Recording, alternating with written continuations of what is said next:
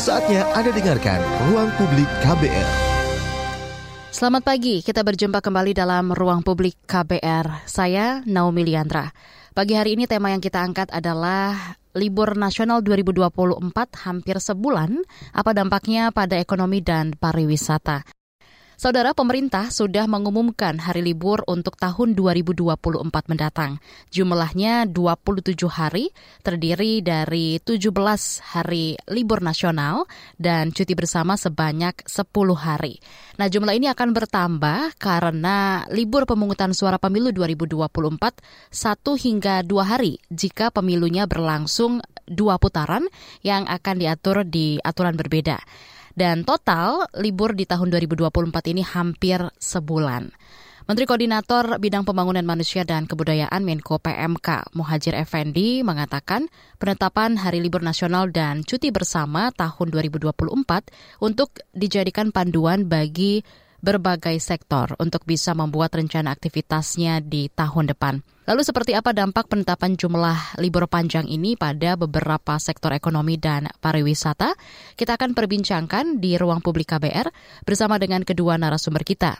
Dari peneliti Institute for Development of Economics and Finance Indef ada Pak Nailul Huda dan juga Sekjen Perhimpunan Hotel dan Restoran Indonesia PHRI. Ada Pak Maulana Yusran. Selamat pagi Pak Huda dan juga Pak Alan. Selamat pagi Mbak. Selamat pagi Pak Alan.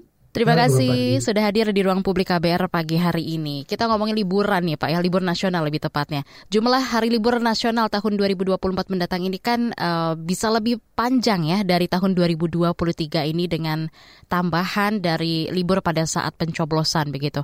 Nah pada saat penambahan dua hari cuti bersama di Idul Adha Juni lalu, Presiden Joko Widodo kan menyatakan penambahan hari libur cuti itu merupakan salah satu upaya untuk mendorong perekonomian di daerah.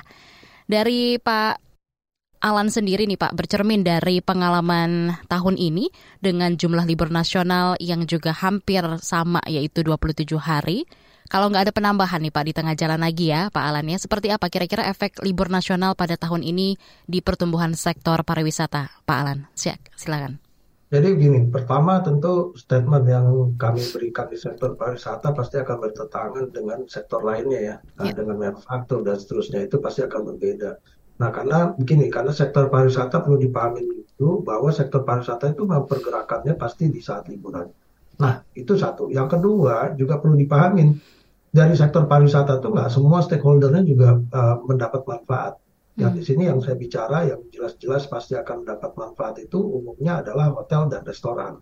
Ya. Nah kemudian yang ketiga hotel pun tidak semuanya juga mendapat menerima manfaat, tidak semua wilayah karena setiap wilayah itu punya karakter masing-masing. Hmm. Khususnya wilayah-wilayah seperti DKI Jakarta ya yang kita tahu umumnya adalah mereka banyak pendatang. -hmm. Kalau libur-libur cuti bersama itu umumnya yang terjadi adalah pergerakan antar lintas provinsi. Nah, tentu masyarakat yang ingin berlibur mereka akan pergi keluar dari uh, Jakarta misalnya ke Puncak, ke Bandung atau ke Lampung, ke mana ke ke daerah-daerah di luar dari Jakarta tersebut. Nah, itu uh, paling penting. Nah, kemudian berikutnya yang saya tanya ditanyakan tadi adalah apakah ada manfaatnya? Yeah.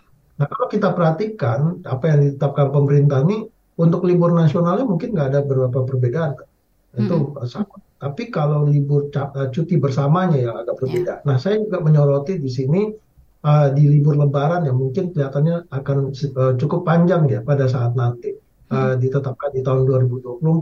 Yeah. Nah, kalau kita perhatikan libur Lebaran itu bagaimana sih dengan kondisi hotel dan restoran? Yeah.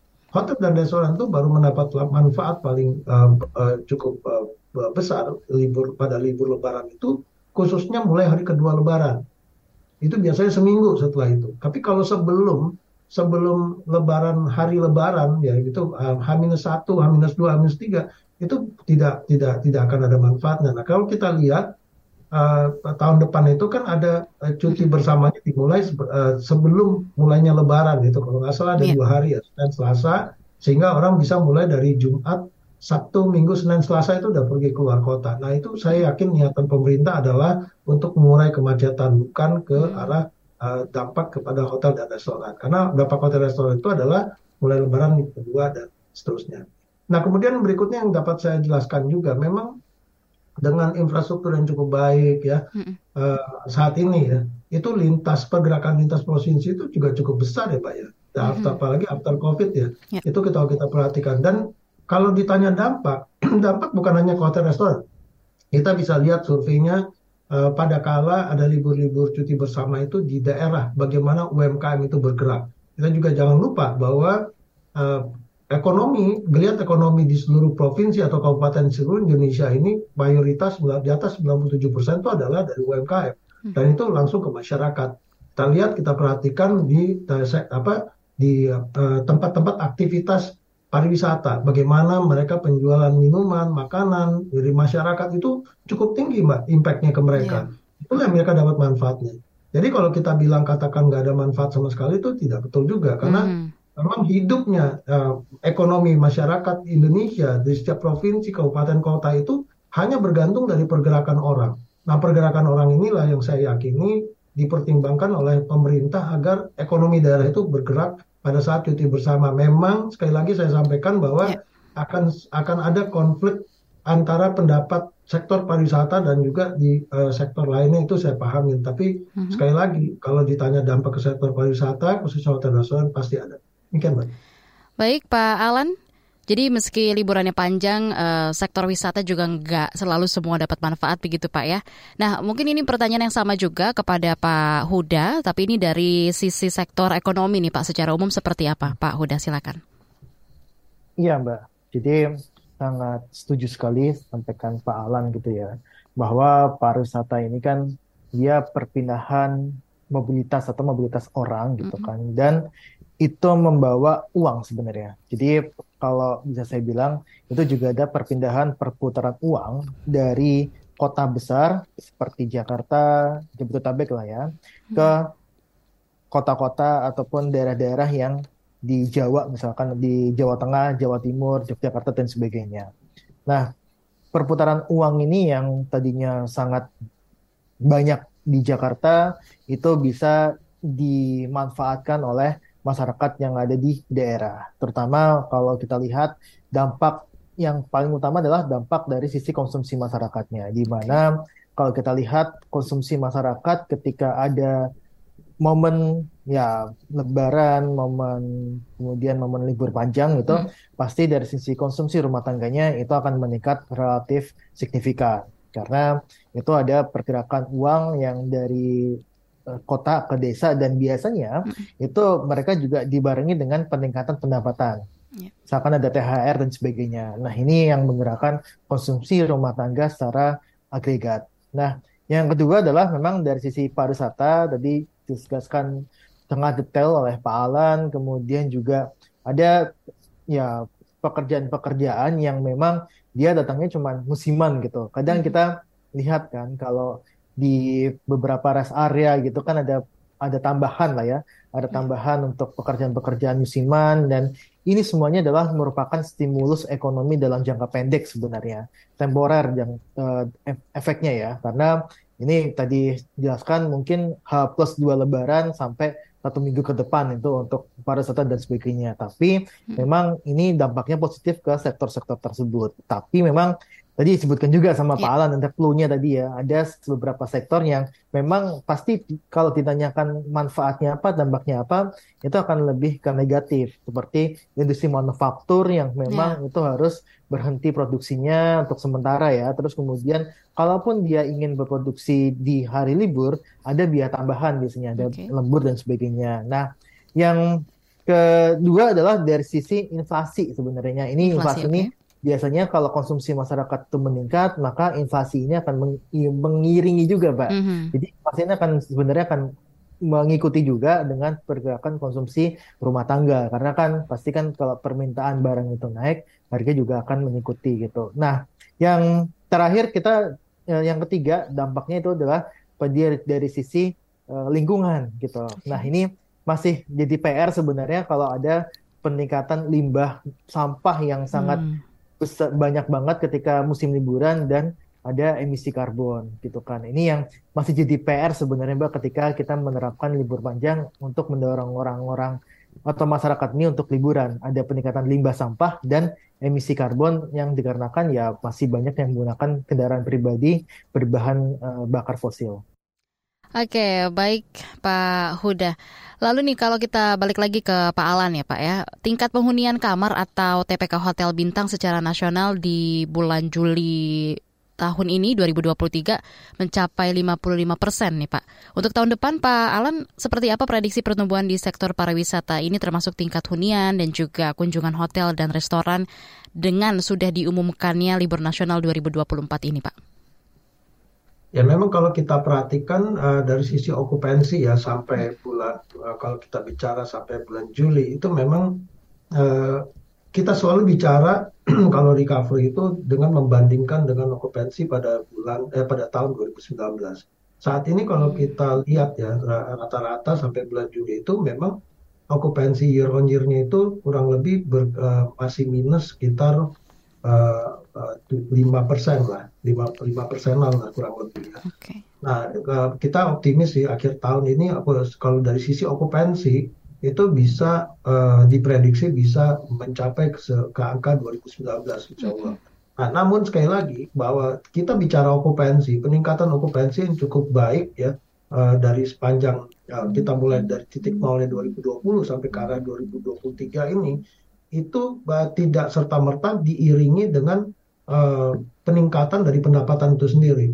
Karena kalau kita bedah lagi di dalam hotel itu, pendapatan itu bukan hanya kita bicara dari okupansi atau kamar saja, mm-hmm. tapi keterisian dari uh, aktivitas di dalam ballroom mm. itu menjadi sesuatu yang penting. Okay. Nah, umumnya kontribusi yang paling besar itu di kontribusi uh, apa uh, tingkat isian dari uh, yeah. kegiatan di ballroom itu di, di, di, di, di apa yang paling besar mayoritas itu dari kegiatan pemerintah. Mm. Nah, itu yang sekarang jumlahnya agak berkurang ya di okay. di beberapa wilayah, tapi terjadi peningkatan justru di uh, Kalimantan karena ada proyek pemerintah di situ IKN yeah. gitu Nah ini yang yang yang menjadi menjadi kelihatan dan nomor dua itu uh, okupansi tertinggi dilihat di seputaran Pulau Jawa karena memang uh, Jawa itu terhubung dengan infrastruktur yang cukup baik dan bisa ini. Kenapa dia uh, apa, uh, terjadi penurunan juga salah, salah satu dampaknya aktivitas yang uh, transformasi ke digital ya. Kayak kita sekarang bertemu di Zoom, virtual, yeah. segala macam. Kombinasi ini juga yes. berdampak ke sana selain juga ada mungkin uh, fokus uh, kegiatan pemerintah yang uh, ini uh, apa yang yang berbeda atau uh, terfokus ke salah satu tempat. Demikian, Pak. Oke, baik Pak Alan. Mungkin dari Pak uh, Huda sendiri seperti apa nih Pak? Menurut Anda libur nasional ini membawa dampak atau pengaruh pada perkembangan ekonomi dalam negeri kita untuk tahun depan? Ya, yang pasti kan ada ekspektasi, Mbak ya. Ekspektasi mm -hmm. bahwa masyarakat ini akan melakukan perjalanan ataupun liburan di beberapa hari di ketika hari hari liburan gitu kan. Mm. Terutama untuk tadi sektor pariwisata yang saya lihat sih sebenarnya kalau saya baca ya itu dari sisi konsumsi mm-hmm. masyarakat pasti akan meningkat ketika ada ekspektasi liburan. Terus kemudian ada juga mengenai tadi ya, tadi mulai transportasi, pariwisata dan sebagainya, hoteling terutama mm-hmm. itu pasti akan ada full book atau mulai bookingnya tuh tahun-tahun ini akhir-akhir tahun gitu kan, terutama untuk yang uh, transportasi pesawat dan sebagainya gitu. Nah, memang yang kita dorong itu adalah sebenarnya juga ada ya pariwisata pariwisata lokal yang itu mulai di bukan diiklankan ya tapi misal istilahnya adalah mulai diangkat uh, lah mulai diangkat dari tahun ini seperti Wonosobo tuh Dieng dan sebagainya yang mulai naik tuh mm-hmm. untuk pariwisatanya terus kemudian beberapa wisata lokal yang di Sumatera seperti Toba dan sebagainya yang itu harusnya mulai dari akhir tahun ini sudah mulai uh, meningkat tingkat uh, kunjungan websitenya dulu lah. Mm-hmm. Websitenya untuk pemesanan dari hotel baik. maupun pesawatnya. Oke, baik Pak Huda dan juga Pak Alan. Nanti kita akan kembali lanjutkan perbincangan pagi hari ini. Ruang publik akan segera kembali. Masih Anda dengarkan Ruang Publik KBR. Commercial break. Commercial break.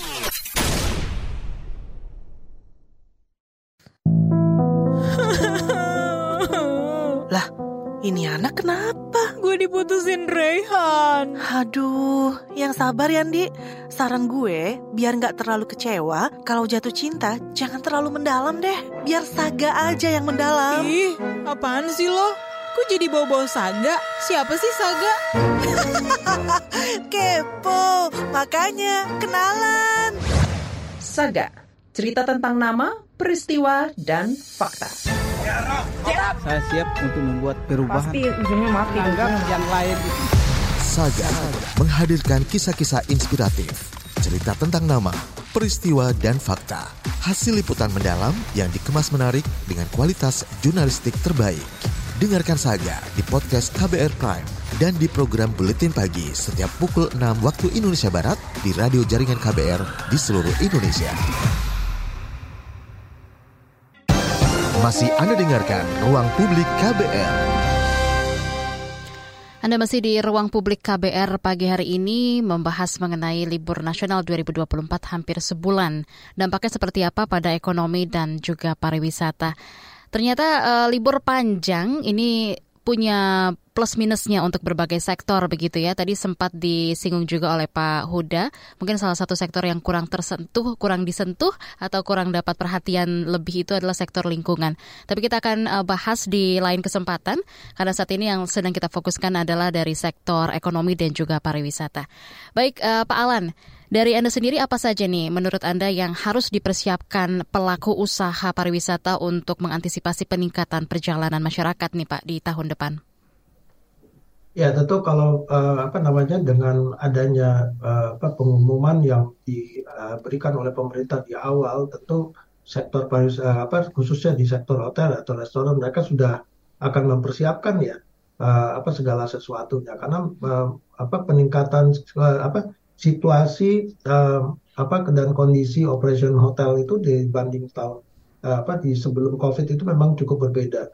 Jadi dengan adanya uh, apa catatan uh, liburan yang sudah ditetapkan oleh pemerintah, ini kan berarti lebih memudahkan uh, kita untuk bersiap menghadapi jika terjadi lonjakan. Tentu setiap daerah nanti akan bisa menghitung sendiri uh, potensi lonjakannya tersebut ya. Mm -hmm. Jadi sekali lagi tadi saya sampaikan bahwa uh, tidak semua daerah yang akan uh, menikmati uh, da, apa namanya uh, peningkatan tersebut. Khususnya kalau kita bicara uh, mudik lebaran, karena kalau mm -hmm. mudik lebaran karakternya memang orang pulang ke kampung halamannya, kemudian baru melakukan wisata keluarga. Itu akan berbeda dengan cuti bersama cuti bersama lainnya mm-hmm. yang mungkin tidak tidak karakternya agak berbeda ya mbak ya. Okay. Nah itu yang yang akan terjadi. Tapi paling fokusnya adalah apa yang akan dilakukan tentu mempersiapkan diri karena uh, apa namanya dengan uh, waktu yang agenda yang sudah ditetapkan itu lebih memudahkan untuk membuka uh, ruang uh, promosi atau membuka ruang reservasi dan seterusnya khususnya bagi hotel. Oke, okay, baik. Nah, sektor pariwisata ini kan ditopang oleh beragam subsektor mulai dari transportasi, akomodasi, dan tentunya sampai dengan industri usaha mikro, kecil dan menengah atau UMKM. Nah, mungkin dari Pak Huda dulu ya. Dari pengamatan Anda, Pak Huda, mana nih subsektor yang masih harus ditingkatkan lagi supaya maksimal pertumbuhan di sektor pariwisatanya, Pak? Ya, kalau kita bicara subsektor, pasti semua subsektor itu subsektor pariwisata ya, ya. itu harus ditingkatkan sebenarnya, Mbak. Mulai dari food and beverage ya, kayak mm -hmm. restoran, warung makan, street food dan sebagainya, itu memang perlu sentuhan untuk ditingkatkan lebih tinggi lagi mm-hmm. uh, pertumbuhannya sehingga bisa menopang ataupun mengambil manfaat yang besar dari libur nasional. Yang kedua itu adalah kita berbicara mengenai pusat perbelanjaan atau pasar di daerah nih.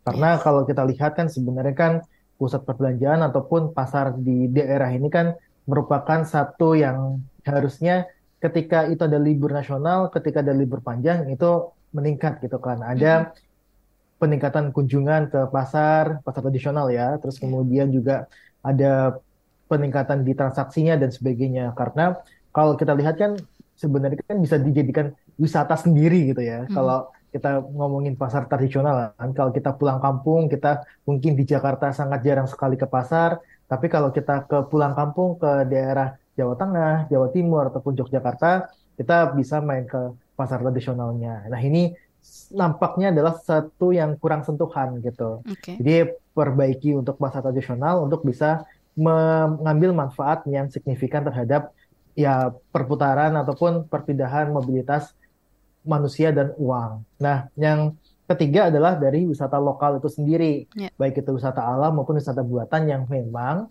itu jadi kayak semacam apa ya? Kalau saya bilang itu adalah ujung tombak lah, ujung tombak dari orang itu untuk minat berpariwisata gitu kan.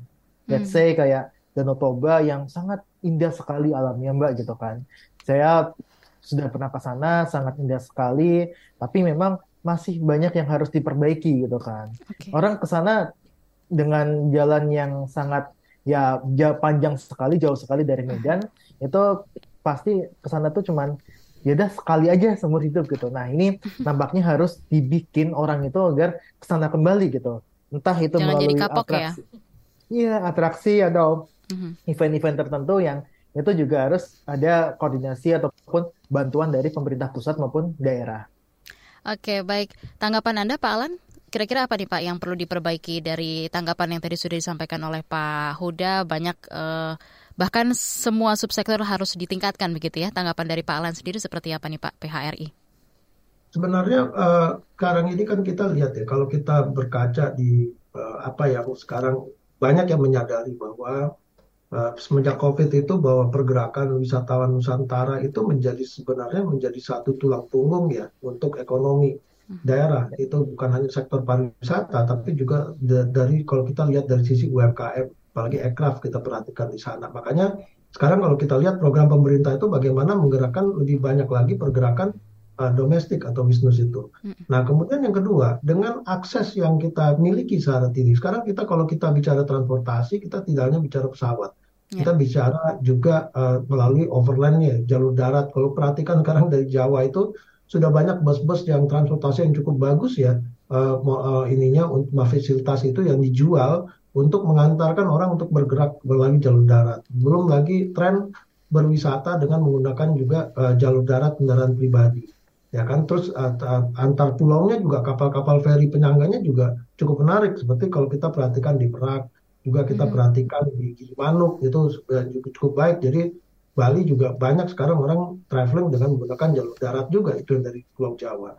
Nah kalau kita perhatikan begitu itu kita lihat bahwa kompetisi antar destinasi, antar provinsi, antar kabupaten kota terhadap uh, apa namanya destinasi pariwisata yang mengemas destinasi pariwisata atau atraksi pariwisata itu menjadi penting. Nah ini tentu peran pemerintah daerah, peran pelaku usaha yang ada di daerah, stakeholder pariwisata itu menjadi satu yang penting gitu loh, sehingga daerah itu tetap diminati. Kemudian coba saya kasih contoh lah, Oke. Sumatera. Sumatera itu kan sebenarnya kita tahu bahwa sumber pergerakan terbesar itu Pulau Jawa itu adalah Jakarta kan. Dulu Ya. kita lihat orang padat hanya ke Bandung setiap hari. Sekarang orang sudah mulai padat juga pergi ke Jogja. Mm-mm. Mudah juga pergi ke Semarang, sampai ke Surabaya bahkan 13 jam, 14 jam mereka sudah bisa sampai ke Bali. Mm-mm. Dan satu lagi, lintas pulau pun sampai ke Palembang itu prediksinya sekitar 6-7 jam. Ya. Ini kan sesuatu yang juga menarik ya. Kalau kita perhatikan dari okupansi pun Sumatera itu didominasi Lampung dan Sumatera Selatan karena akses tol tadi. Nah ini yang saya eh, sampaikan tadi bahwa peran pemerintah daerah yang untuk ada awareness terhadap pengawasan destinasi bersama stakeholdernya itu menjadi penting di setiap daerah. Itu satu. Kemudian dampaknya jika mereka memang benar-benar perhatian untuk pengawasan destinasi, tentu potensi lapangan kerjanya akan menjadi bagus. Tadi saya menarik apa yang disampaikan Pak Nailul tadi bahwa memang yang paling penting itu harus ada yang naik kelas gitu loh. Naik kelas itu maksudnya kualitasnya harus dijaga supaya orang mau balik lagi. Tapi Iya. kalau dia itu, itu aja kan orang nggak mau balik lagi. Nah maka kembali lagi tadi pengemasan produk akan menjadi Hmm. sesuatu yang penting bagi setiap daerah untuk men-trigger domestik itu bergerak apalagi menghadapi cuti bersama nanti. Jadi peran ini harus diambil oleh pemerintah daerah dan seluruh stakeholder dan masyarakat di setiap daerah untuk mendapat manfaat. Demikian, Mbak. Oke, Pak Alan, terima kasih. Nah, dari Pak Huda sendiri terkait pengemasan paket wisata, begitu ya, seperti apa nih Anda uh, melihat upaya Pemda, melihat potensi daerahnya pada yang bisa dijadikan sumber pendapatan daerah nih, Pak Huda?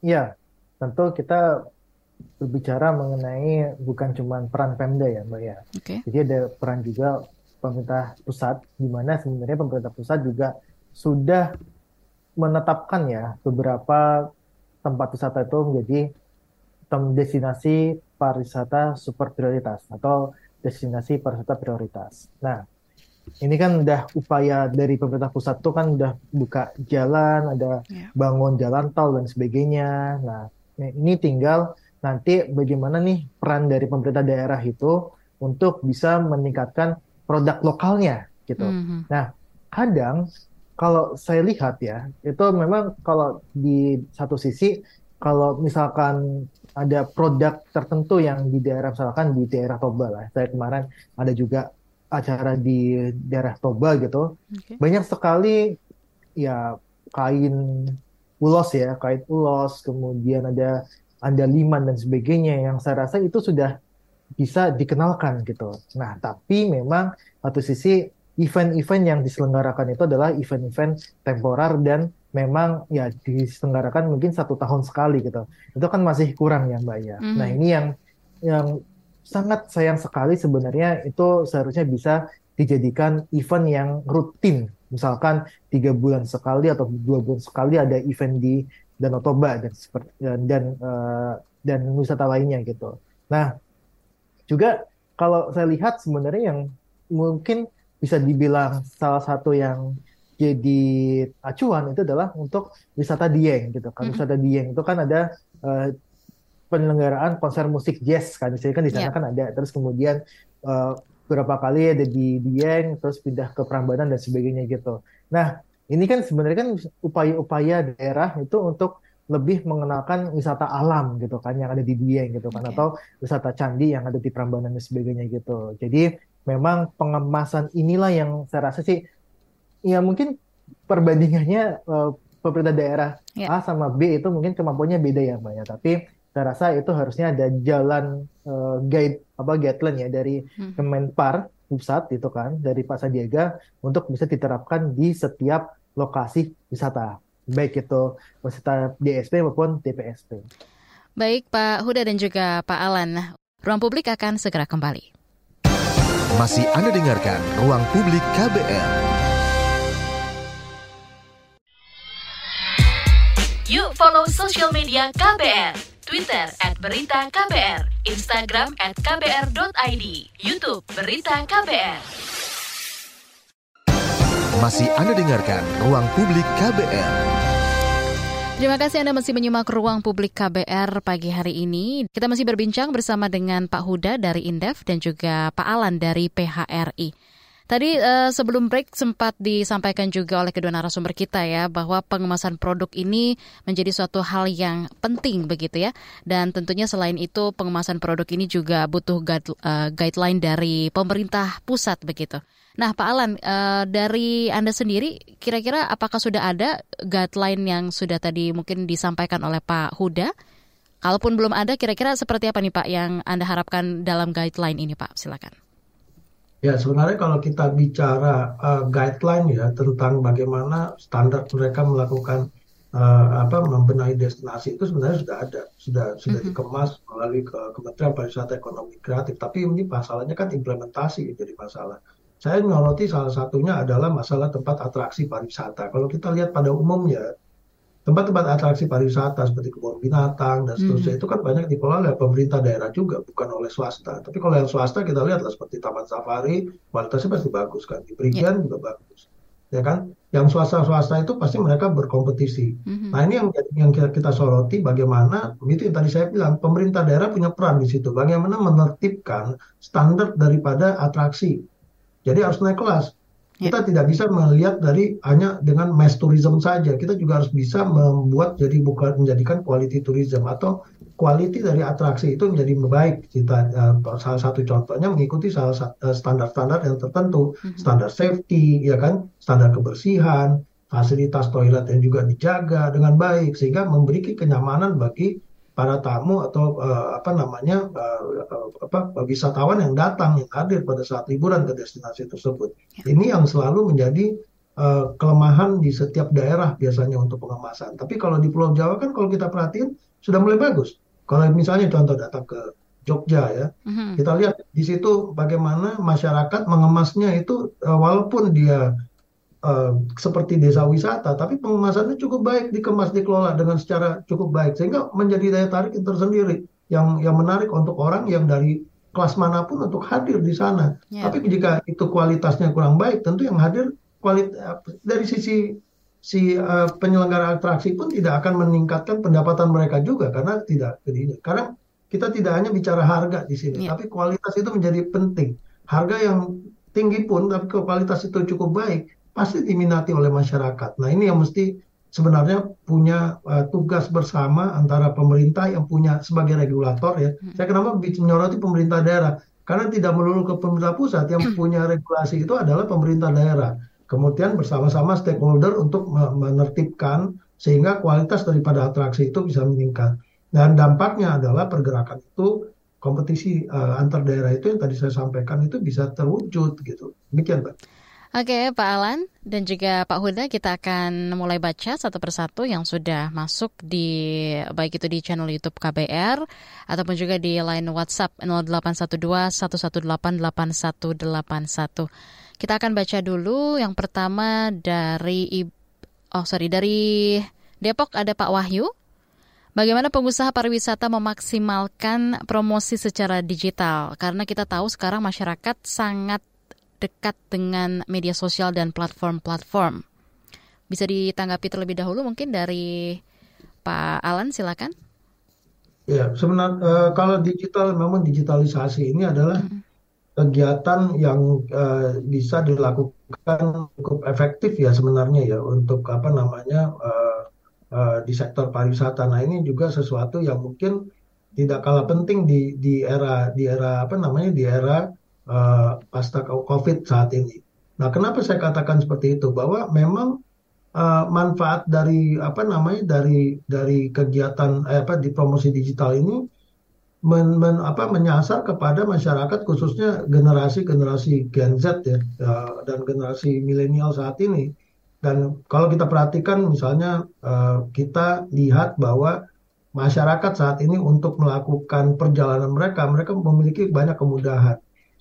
Mereka hanya dengan smartphone mereka yang mereka jadikan co-pilot itu untuk mereka lakukan uh, reservasi secara online, baik itu ke hotel, itu juga terjadi mungkin transportasi, belum lagi itu ke destinasi dan seterusnya. Jadi uh, apa namanya uh, aplikasi penunjang online reservasi juga bisa memberikan kemudahan dalam pemesanan. Jadi kalau ada yang belum menggunakan uh, teknologi ini akan menjadi problem. Yang kedua adalah dalam perjalanan. Hmm. Dalam perjalanan bahwa teknologi digital ini di apa namanya seperti mobile phone itu menjadi paling the best co-pilot kan saat ini yeah. ya.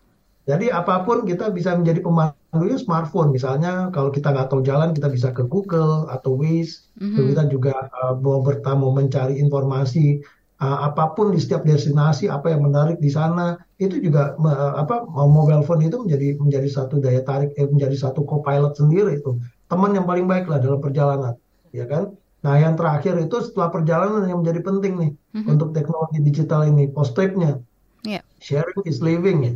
Jadi maraknya media sosial ini juga merubah pola hidup masyarakat seperti medsos. Yeah. Mereka akan share atau posting kegiatan yang menjadi kebiasaan uh, mereka pada saat mereka traveling ini juga menjadi satu positif impact kepada uh, destinasi yeah. uh, apa namanya untuk nilai promosinya, Mbak. Itu okay. berimpactnya juga cukup besar. Makanya kami di hotel tuh selalu atau restoran tuh bilang kita kayaknya bukan mementingkan soal uh, apa mm -hmm. rating kita pentingkan, tapi review itu menjadi penting. Yes. kan takut nanti Pak Nailun mereview hotel saya itu jelek atau kotor. Nah itu kita paling takut itu review itu menjadi satu yang penting. Nah itulah pentingnya teknologi digital saat ini dia bisa berdampak positif cepat untuk menaikkan rating kita atau juga bisa berdampak negatif jika ada sesuatu yang salah karena no border. Demikian, Mbak. Oke, review adalah suatu hal yang sangat penting ya Pak ya, karena itu mempengaruhi uh, jutaan atau bahkan lebih dari itu untuk orang-orang mau ke tempat uh, wisata yang akan mereka kunjungi begitu ya mempengaruhi sekali. Oke, dari Pak Huda, seperti apa nih Pak Anda melihat pelaku pariwisata lokal memaksimalkan teknologinya untuk uh, meningkatkan kunjungan teknologi yang sedang ada saat ini yang sangat canggih? Iya Mbak, jadi mungkin saya menambahkan sedikit aja yang sampaikan Pak Alan gitu kan. Jadi memang kalau kita lihat kan media sosial, terutama media yeah. sosial inilah sebagai ya pintu lah, pintu informasi sebenarnya ada wisata apa sih di daerah A, ada kafe apa sih yang di daerah A gitu dan sebagainya gitu kan. Jadi pusat informasi itu sebenarnya ada di digital gitu kan. Mm. Nah, terus juga ada sekarang kan juga ada banyak ya warung makan, rumah makan, restoran yang dia Instagramable gitu kan, Iya. yang dia bisa digunakan untuk men-share ketika mereka berkunjung ke restoran tersebut dan sebagainya. Terus Hmm. kemudian yang saya eh, sam- ingin sampaikan juga sebenarnya tadi adalah untuk pembayarannya, karena kan Hmm. pasti kan untuk yang di daerah kota ini kan ya kalau Gen Z, generasi milenial itu kan dia udah cashless ya. Ya. Dia tinggal tadi selain tadi selain mobile phone tuh pas selain untuk informasi, untuk eh, jalan dan sebagainya, Hmm. sekarang kan juga sudah bisa untuk membayar kan, Iya. ada kiris dan sebagainya gitu kan. Yang memang itu bisa harusnya dan harus dimanfaatkan ya oleh para pedagang lokal ini untuk bisa menyediakan pembayaran digital. Kris ataupun yang lainnya itu Mhm. bisa disediakan oleh uh, pelaku ekonomi di daerah gitu. Karena itu pasti digitalisasi pembayaran itu pasti akan uh, pindah juga dan Mhm. itu akan dibawa oleh masyarakat yang di kota ke desa, ke daerah sorry maksudnya. Oke, baik. Karena kalau ada salah satu tempat wisata atau tempat perbelanjaan itu tidak memenuhi eh, kriteria, misalnya si pembeli ini akan menggunakan eh, cashless tapi dia tidak punya, akhirnya transaksi jadi gagal ya Pak ya? Iya, ya, mereka mengurungkan untuk Iya. niat membelinya, Mbak. Jadi males.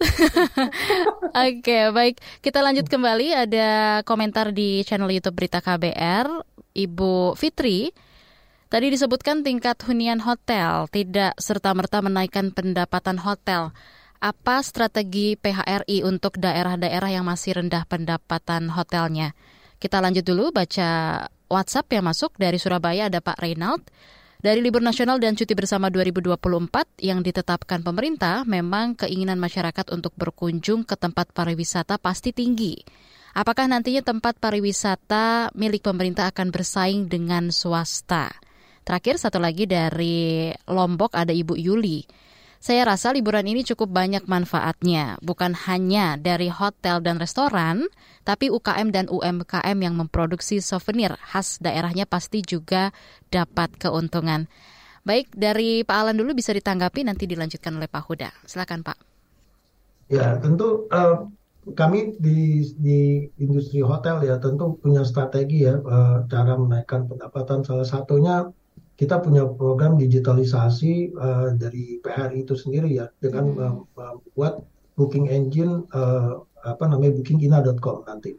Nah, mungkin insya Allah tuh dalam dua bulan ke depan ini sudah bisa eh, aktif ya nanti. Dari sisi ini kita eh, membantu untuk meningkatkan salah satu peningkatan eh, yang kita ingin ya kita harapkan dari industri kami. Sekarang kan eh, mungkin kalau dari sisi masyarakat ya pengguna penggunaan online travel agent itu menarik ya karena memudahkan di situ. Tapi dari sisi industri hotel tuh eh, ada hal yang juga menyangkut di situ. Jadi tren eh, reservasi online melalui online travel agent itu di sisi satu sisi menarik, tapi dari sisi pelaku usaha itu tidak menarik karena fee-nya cukup benar- tinggi. Itulah makanya kita salah satu program yang kita lakukan adalah bagaimana menurunkan fee daripada eh, apa eh, penjualan melalui platform digital itu nomor eh, paling utama. Kemudian yang kedua tentu eh, yang kita dorong itu bukan hanya dari satu sisi itu, tapi dari sisi lain bagaimana kita membuat destinasi itu juga eh, meningkatkan kualitas daripada atraksi di setiap daerah. Ini menjadi menarik. Karena kita hotel itu tidak akan bisa berdiri sendiri, restoran itu tidak akan bisa berdiri sendiri. Dia perlu eh, crowd, dia perlu eh, apa eh, datangnya eh, masyarakat pergerakan yang cukup meningkat, tapi daya tariknya harus ditingkatin. Tadi saya di awal sampaikan bahwa memang kegiatan pemerintah itu menjadi kontribusi paling besar karena ini yang kita tidak bisa nafikan. Tapi dengan dengan kondisi ini, apakah kita juga bisa meng-create sesuatu agar menurunkan ketergantungan dari kegiatan pemerintah itu juga menjadi menarik dan menjadi PR besar bagi Baik. uh, stakeholder pemerintah ataupun pelaku usaha di pariwisata. Kemudian uh, untuk ini apa ya tadi dikatakan masalah uh, tempat wisata yang dikelola pemerintah bersaing dengan swasta itu udah pasti. Hmm. Kami justru berharap justru lebih bagus dikelola kalau pemerintah itu kan ada umur ya Baik. pergantian tiap berapa tahun itu pasti ada. Nah, tentu yang kita harapkan itu adalah bagaimana pemerintah juga sudah mulai membuka mindset uh, pengelolaan di swasta, di, dilakukan oleh swasta.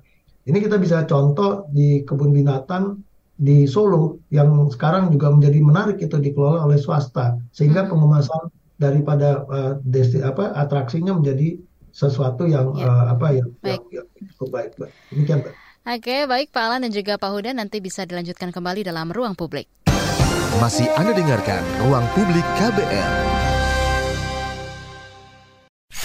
Commercial break. Commercial break.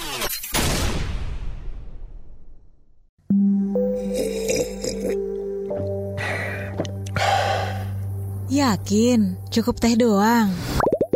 KBR sore, siap menjadi teman sore hari kamu, biar kamu gak kesepian. Dapatkan rangkuman perkembangan berita terpenting di sore hari dari bidang politik, ekonomi, sosial, budaya, dan olahraga dari dalam dan luar negeri. Simak KBR Sore setiap hari Senin sampai Jumat mulai pukul 16 di radio jaringan KBR seluruh Indonesia dan di kbrprime.id search KBR Sore. Masih Anda dengarkan Ruang Publik KBR. Kita sudah berada di siaran akhir ruang publik KBR pagi hari ini. Baik tadi Pak Alan sempat menyampaikan bahwa uh, dari pihak swasta begitu ya yang bisa mengelola pariwisata supaya bisa jauh lebih menarik lagi begitu ya.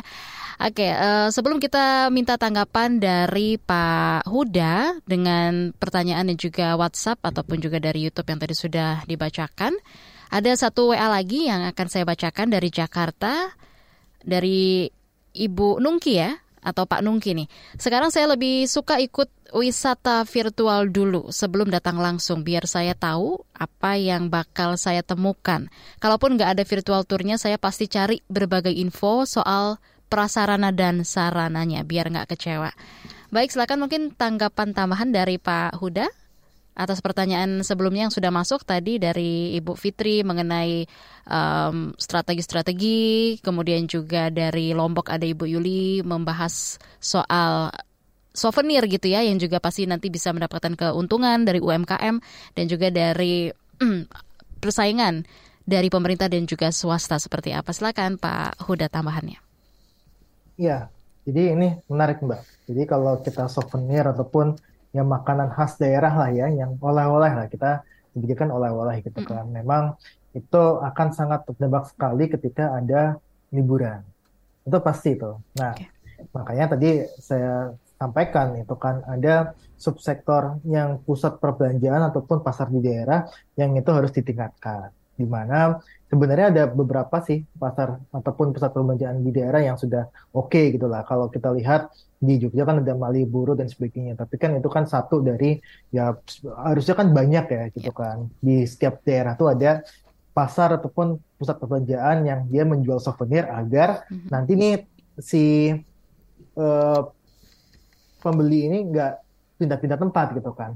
Sama seperti jadi pertanyaan mengenai dia mau virtual uh, virtual visiting dulu yeah. gitu kan. Ada mencari informasi itu. Nah, ketika itu sudah ada pusat perbelanjaan ataupun pusat souvenir yang di dalam itu sangat komplit sekali, ya tentu itu pasti tadi yang saya bilang itu akan meningkatkan dari sisi permintaan untuk barang souvenirnya hmm. plus dari sisi kunjungannya juga gitu sehingga ini kan bisa lah ya sebenarnya pusat perbelanjaan ini juga dikelola oleh baik pihak swasta maupun pihak pemerintah daerah. Hmm. Kalau pihak swasta kan pasti kan ada kayak semacam mall dan sebagainya gitu ya. Tapi yeah. kita kalau pemerintah daerah kan uh, pasar dan sebagainya gitu. Nah makanya saya tadi bilang hmm. pusat perbelanjaan ataupun pasar di daerah itu bisa jadi fokus pemerintah untuk bisa meningkatkan efek dari liburan tersebut untuk bisa memutarkan uangnya di daerah-daerah yang ada di Indonesia untuk perputaran uang ya Pak ya.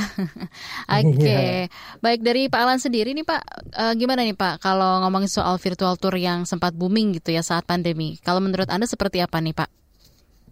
Nah itulah kemudahan digital Mbak. Tadi yang disampaikan uh, oleh siapa tadi Pak Nuki atau Bu Nuki tadi, yeah. bahwa uh, apa yang mereka lakukan itulah yang sekarang gila, kemudahan yang selalu dilakukan oleh uh, traveler Jadi sebelum mereka melakukan itu, tadi yang saya sampaikan, sebelum mereka melakukan uh, traveling, mereka mereka melakukan banyak hal. Hmm. Jadi uh, pertama stepnya tentu tadi yang disampaikan bahwa mereka mencari informasi dulu, cari informasi tentang destinasinya, aktivitasnya apa, apa Lihat dari review juga ya Pak ya? iya betul, dia juga akan melihat reviewnya nanti. Hmm. Jadi uh, karena kita juga punya TripAdvisor ya, kalau uh, yeah. yang selalu umum digunakan oleh publik belum lagi komentar-komentar sekarang ada medsos seperti okay. IG ya kan, uh, Instagram, Facebook dan seterusnya ini mm-hmm. selalu atau bahkan ada TikTok lagi tuh. Yeah. Ini juga menjadi sesuatu yang menjadi satu yang sensitif ya. Kalau dia mm. bagus menjadi nilai promosi, mm. kalau dia jelek akan menjadi sesuatu nilai yang uh, menjadi nggak menjadi kompetitif destinasinya. Nah itu. Kemudian mereka tadi dikatakan wisata virtual itu kan maksudnya ada beberapa uh, aktivitas hmm. ya termasuk dari dari fasilitas juga mereka sudah menggunakan uh, sosial media untuk me membuat satu uh, apa virtual ya yang hmm. mereka bisa mengguide ini loh yang akan dilakukan nanti jadi sehingga yep. menjadi sesuatu kayak live streaming bisa diinfokan ke publik ini menjadi tidak lagi kalau dulu zaman dulu kita hanya mengenal gambar sehingga gambar itu bisa juga membentuk opini positif di awal tapi pada saat mereka datang jadi negatif gitu itu kan bisa terjadi tapi dengan teknologi digital mm-hmm. apa yang mereka lihat pada saat virtual itu adalah apa yang akan mereka rasakan nantinya gitu loh uh, apa yeah. namanya fasilitasnya ini menjadi menarik dan itulah tantangan bagi sektor pariwisata atau uh, industri pariwisata saat ini dengan adanya digitalisasi sehingga kemasan produk itu menjadi sesuatu yang penting review itu menjadi nilai yang paling penting yang bisa hmm. Membawa bisnis kita naik atau turun. Demikian, Pak. Oke, baik dari Pak Huda dan juga Pak Alan tentunya ya. Tahun ini nih Pak, sampai hari pencoblosan mendatang gitu kan tentunya sedikit banyak punya pengaruh lah pada berbagai sektor termasuk juga pariwisata gitu ya. Bagaimana Anda berdua melihat pengaruh pemilu 2024 pada strategi peningkatan sektor pariwisata dan juga ekonomi? Silakan dari Pak Huda dulu, lalu ditutup dengan Pak Alan. Masing-masing satu menit Pak, karena waktu terbatas. Mohon maaf sebelumnya, silakan. Iya Mbak.